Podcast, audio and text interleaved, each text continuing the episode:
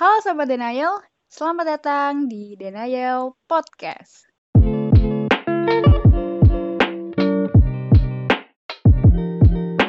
Pada podcast kali ini gue akan uh, membahas tentang cyberbullying.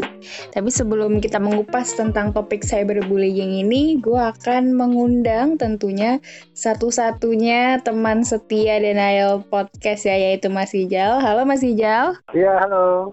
Oke, nah masih jauh nih, langsung aja ya. Kita diskusi mengenai topik cyberbullying. Kita tahu era sekarang ya udah 2021 gitu.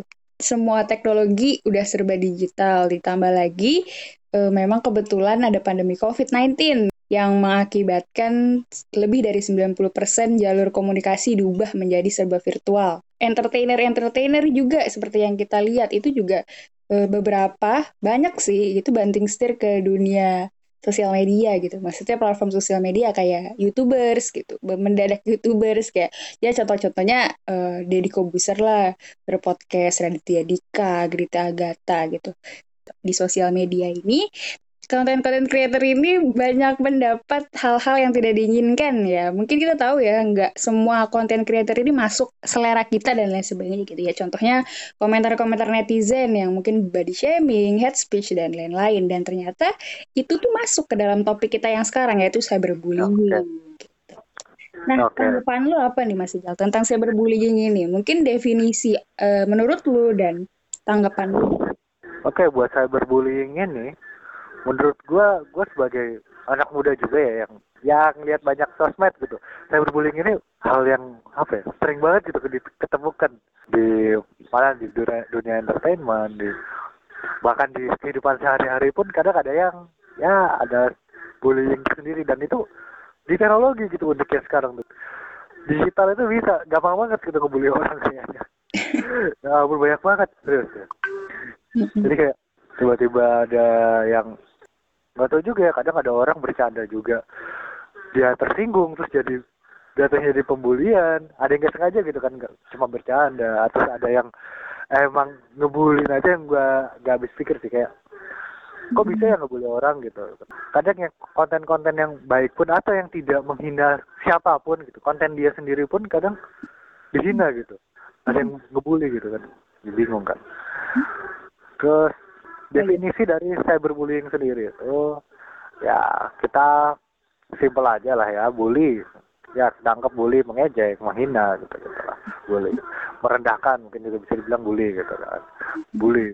Sedangkan cyber di sini untuk ruang digital. Jadi di sini pemulihan dalam ruang digital di sini tuh. Ya itu yang bisa gue kasih yang bisa gue bilang dulu kayaknya mm -hmm. Oh ya mungkin iya ya, uh, mungkin tadi gue juga setuju ya sama poin lo memang cyberbullying di Indonesia ini dia gampang ditemuinnya gitu. Iya, ini juga baru kepikiran. Ada kemarin bullying, niatnya bercanda ya. Maaf ya, ini gue sebut apa ya? atau gak usah deh gak usah sebut nama ini ada uh, ada suatu ada ada seorang influencer gitu dia ngelihat konten TikTok nah konten TikTok ini sebenarnya apa ya ngejokes gitu kan nah, bercanda soal tentang sebuah film gitu sebuah film ya film di Indonesia terus ngejek. Kebetulan uh, bukan ngejek bercandanya itu ada foto ibu si influencer ini kalau lo tahu kayaknya ya. Oh iya. Ya, ibu, tahu deh kasusnya. Uh, si ibu ini si ibu influencer ini. Tapi itu cuma kayak gambaran doang. Mm -hmm. Ga, ya gambaran doang. Dan menurut gue itu ya oke buat bercanda gitu loh kayak gitu kan maksudnya sebuah gambaran gitu. Apalagi seorang influencer kan berarti kan emang uh, emang post di mana-mana juga kan gitu kan. Hmm. ibunya pun terkenal jadi kayak ya udah oke okay, gitu. Tapi influencer ini gak terima gitu. Ini kenapa ibu saya dibawa-bawa? gitu. Padahal padahal gak ada jambungnya cuma mungkin influencer ini merasa tersinggung gitu ya merasa tersinggung. Terus itu yang jadi mungkin bisa juga dinilai jadi cyberbullying walaupun sebenarnya niatnya nggak seperti itu bercanda niatnya. Cuma kan kita lihat-lihat juga ternyata influencer nggak bisa terima gitu kan. Lanjut. Oke, okay. oke, okay, oke. Okay. Nah ya gue nggak tahu sih kasusnya ya gitu. Ya. Kamu kan? Kayak pernah, kayak bisa uh, pernah dengar dan emang pernah lihat gitu. Nah, ini kan berarti kan ya maksudnya se-Indonesia gitu. Maksudnya netizen ini kan bercanda ya. Ternyata bagi yang bersangkutan atau bagi ya, ya juga ibu sendiri gitu ya. Kita tidak aku aku sih netral ya, maksudnya nggak nggak memihak yang mana gitu ya. Walaupun yang satu niatnya bercanda, hanya menghibur, hiburan, tapi yang satu ternyata merasa itu adalah bullying. Nah, bedanya nih gimana terus Mas Ijal menurut Mas Ijal nih? Cara bedainnya ya. Mm-hmm. Sebenarnya kalau cara bedain relatif ya relatif banget kayak ini tergantung sudut pandang lu gitu bener kayak tadi menurut kita bercanda gitu tapi kalau menurut orang lain dari sudut pandang orang lain bahkan dari sudut pandang korban itu kalau kita bisa bilang korban bullying itu sendiri mm-hmm. dari korban itu sendiri yang yang dibercandain mm-hmm. dia nggak terima gitu kan jadi kalau misalkan kita cara bedainnya gimana di sini kalau mau simpelnya mm-hmm. ini kita langsung arahin ke korbannya aja gitu yang di bersangkutan yang hmm. bersangkutan ini tersinggung atau tidak gitu. kalau misalkan tidak tersinggung itu kita bisa anggap bercandaan kalau tersinggung itu bullying gitu soalnya kan emang di sini kan yang penting adalah uh, dari dari sudut pandang orang yang hmm. bersangkutan gitu bukan orang yang membuat buat bercandaan itu gitu orang yang ber, membuat bercandaan itu emang, emang maksudnya bercanda gitu hmm. cuma di sini kalau kita mau uh, mau menentukan apakah itu membedakan itu bercanda atau bullying balik lagi ke yang bersangkutan. Jadi emang kalau misalkan kita oh ada yang dukung si konten si yang bikin konten TikTok itu kan bercanda gitu gitu gitu ya ini didiskusikan lah sama yang ya orang yang bersangkutan itu gimana. Kalau emang bullying terus ya maaf lah nggak sengaja gitu nggak sengaja membuli gitu kan emang melihatnya bercandaan. Gitu. ya gitu Nah, oke, okay. gue, setuju banget ya itu ya. Maksudnya mungkin bisa dikatakan bercandaan itu kalau emang dua pihaknya juga merasa itu bercanda gitu. Itu berarti nah, iya. bercandaan iya. ya. Nah, jadi kalau hmm. emang salah satu atau yang ya yang bersangkutan ini satunya merasa dibully atau pembulian ya itu yang maksudnya ke pembulian gitu. Jadi nggak nggak adil juga kan, nggak fair juga kalau dibilang bercandaan doang gitu kan. Benar sekali. Nah, tapi menurut lu nih Mas Ijal apa sih dampaknya gitu dari cyberbullying ini gitu? Pasti kan ada dampaknya karena memang ah, dari ya, tadi ya. konotasinya negatif gitu kan. Ah. ya dampaknya konotasi negatif ya nggak salah juga sih karena memang kan kalau tadi kita artiin menghina gitu ya menghina hmm, apa yang dia menghina kan berarti kan menegatifkan gitu kan ya, tapi ada dampaknya gimana sih? Ya semua hal itu kita kalau ngomong ya semua hal ada ada positif negatifnya. Jadi kita ambil coba ambil dua-duanya. Kalau untuk negatifnya sendiri yang mungkin yang ya yang pertama negatifnya pertama kita gampang menghina orang lain gini. Kalau ada ada cyberbullying terus kita jadi penonton jadi pelaku dan itu nggak ada kapoknya gitu. Loh nggak ada yang membuat yang membuat kapok itu bakal terus terusan gitu. Dan itu jelek karena kita dampaknya akan jadi buruk karena adanya hinaan itu itu terus gitu. Di apa sih diwajarkan gitu. Hmm. itu kali ini diwajarkan cyberbullying itu. Nah untuk dari sisi apa ya yang dibully gitu itu nantinya nanti ke mental ke mental. Takutnya kalau dampak negatifnya dia nanti bakal jadi dia down gak percaya diri gitu. Tapi kalau kita balik itu bakal jadi sisi positif loh ternyata gitu mm-hmm. si hinaan hinaan hinaan ini bullying ini bisa aja jadi komentar yang membangun kita malah mm-hmm. misal apa tentang gaya hidup yeah. tentang tentang apa nih body shamingnya juga iya shaming shaming itu makanya pokoknya bakal jadi komentar yang membangun gitu mm. ya itu sih Oke, okay, tadi ya berarti lu hmm, apa namanya? Tadi menyebutkan dampak dari cyberbullying ke beberapa aspek. Kan oke okay, kita ini ya eh, berbicara lagi mengenai cyberbullying atau seseorang yang mungkin dibully gitu. Nah, kira-kira sama siapa sih Mas harusnya gitu? Pertolongan pertama kalau misalkan kita itu adalah seseorang yang dibully eh, baik secara ya online lah ya karena cyberbullying gitu. Oke. Okay. Terus menurut lo seberapa pentingnya harus ngelapor gitu sebagai orang yang dibully? Oke, okay, uh, buat gimana caranya misalkan kita kita ya kita terbully gitu atau teman kita terbully mungkin gitu ya. Mm -hmm. Nah itu yang pertama-tama pertolongan pertama mesti dari orang terdekat dulu deh gitu.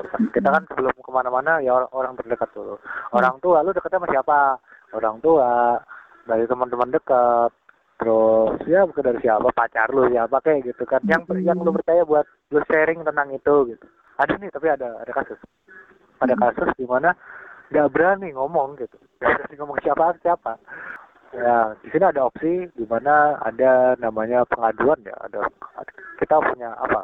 Banyak ya. Ya dari Komnas HAM atau dari mana gitu itu ada platform di mana kita bisa melapor gitu. Nah, itu bisa hmm. kasih nama siapa. Nah, siapa bla bla bla. Atau nggak mau kasih nama anonim dulu nggak apa-apa.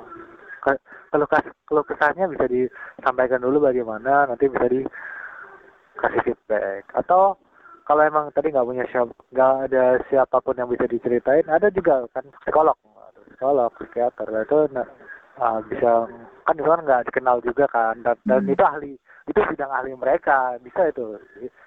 Ngomong ke beliau-beliau ini. Itu nanti nanti akan dicarikan solusinya ya itu oke nah tadi ya berarti eh, yang pertama mungkin yang dihubungin ya itu tadi ya orang atau anggota keluarga terdekat ya. Ya, maksudnya orang terdekat tuh juga eh, tadi Komnas HAM dan ada juga nih Mas Ijal, telepon pelayanan sosial anak.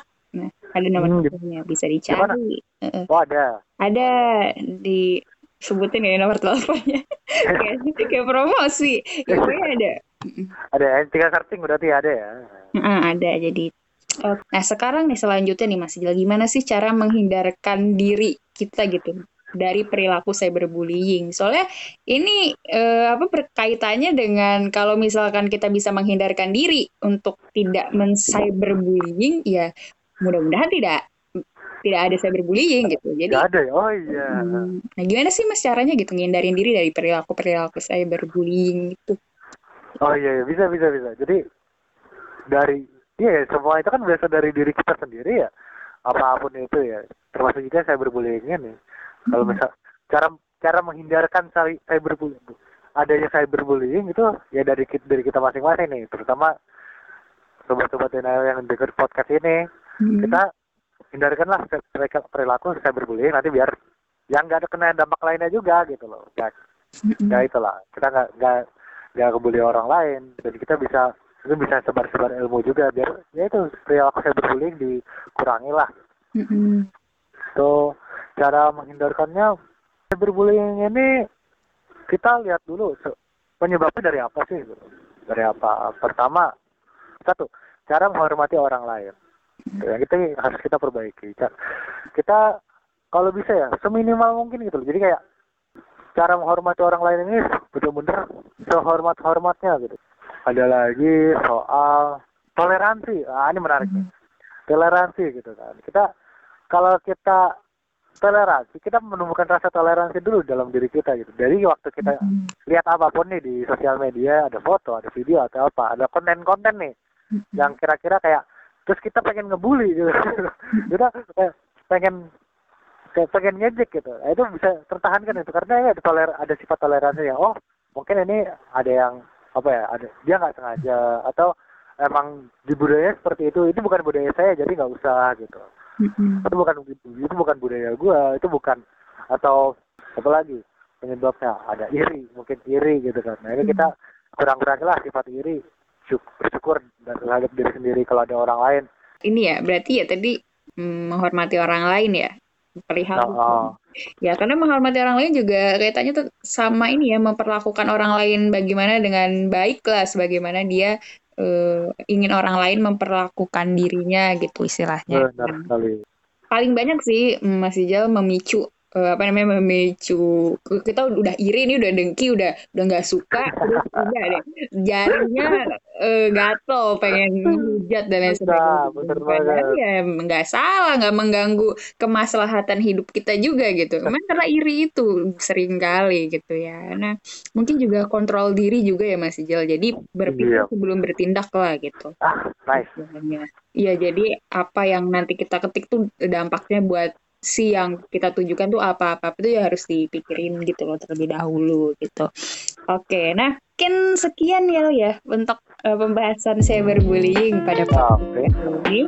Uh, Gue dan Mas Ijal pamit undur diri. Salam milenial. Salam milenial. Goodbye.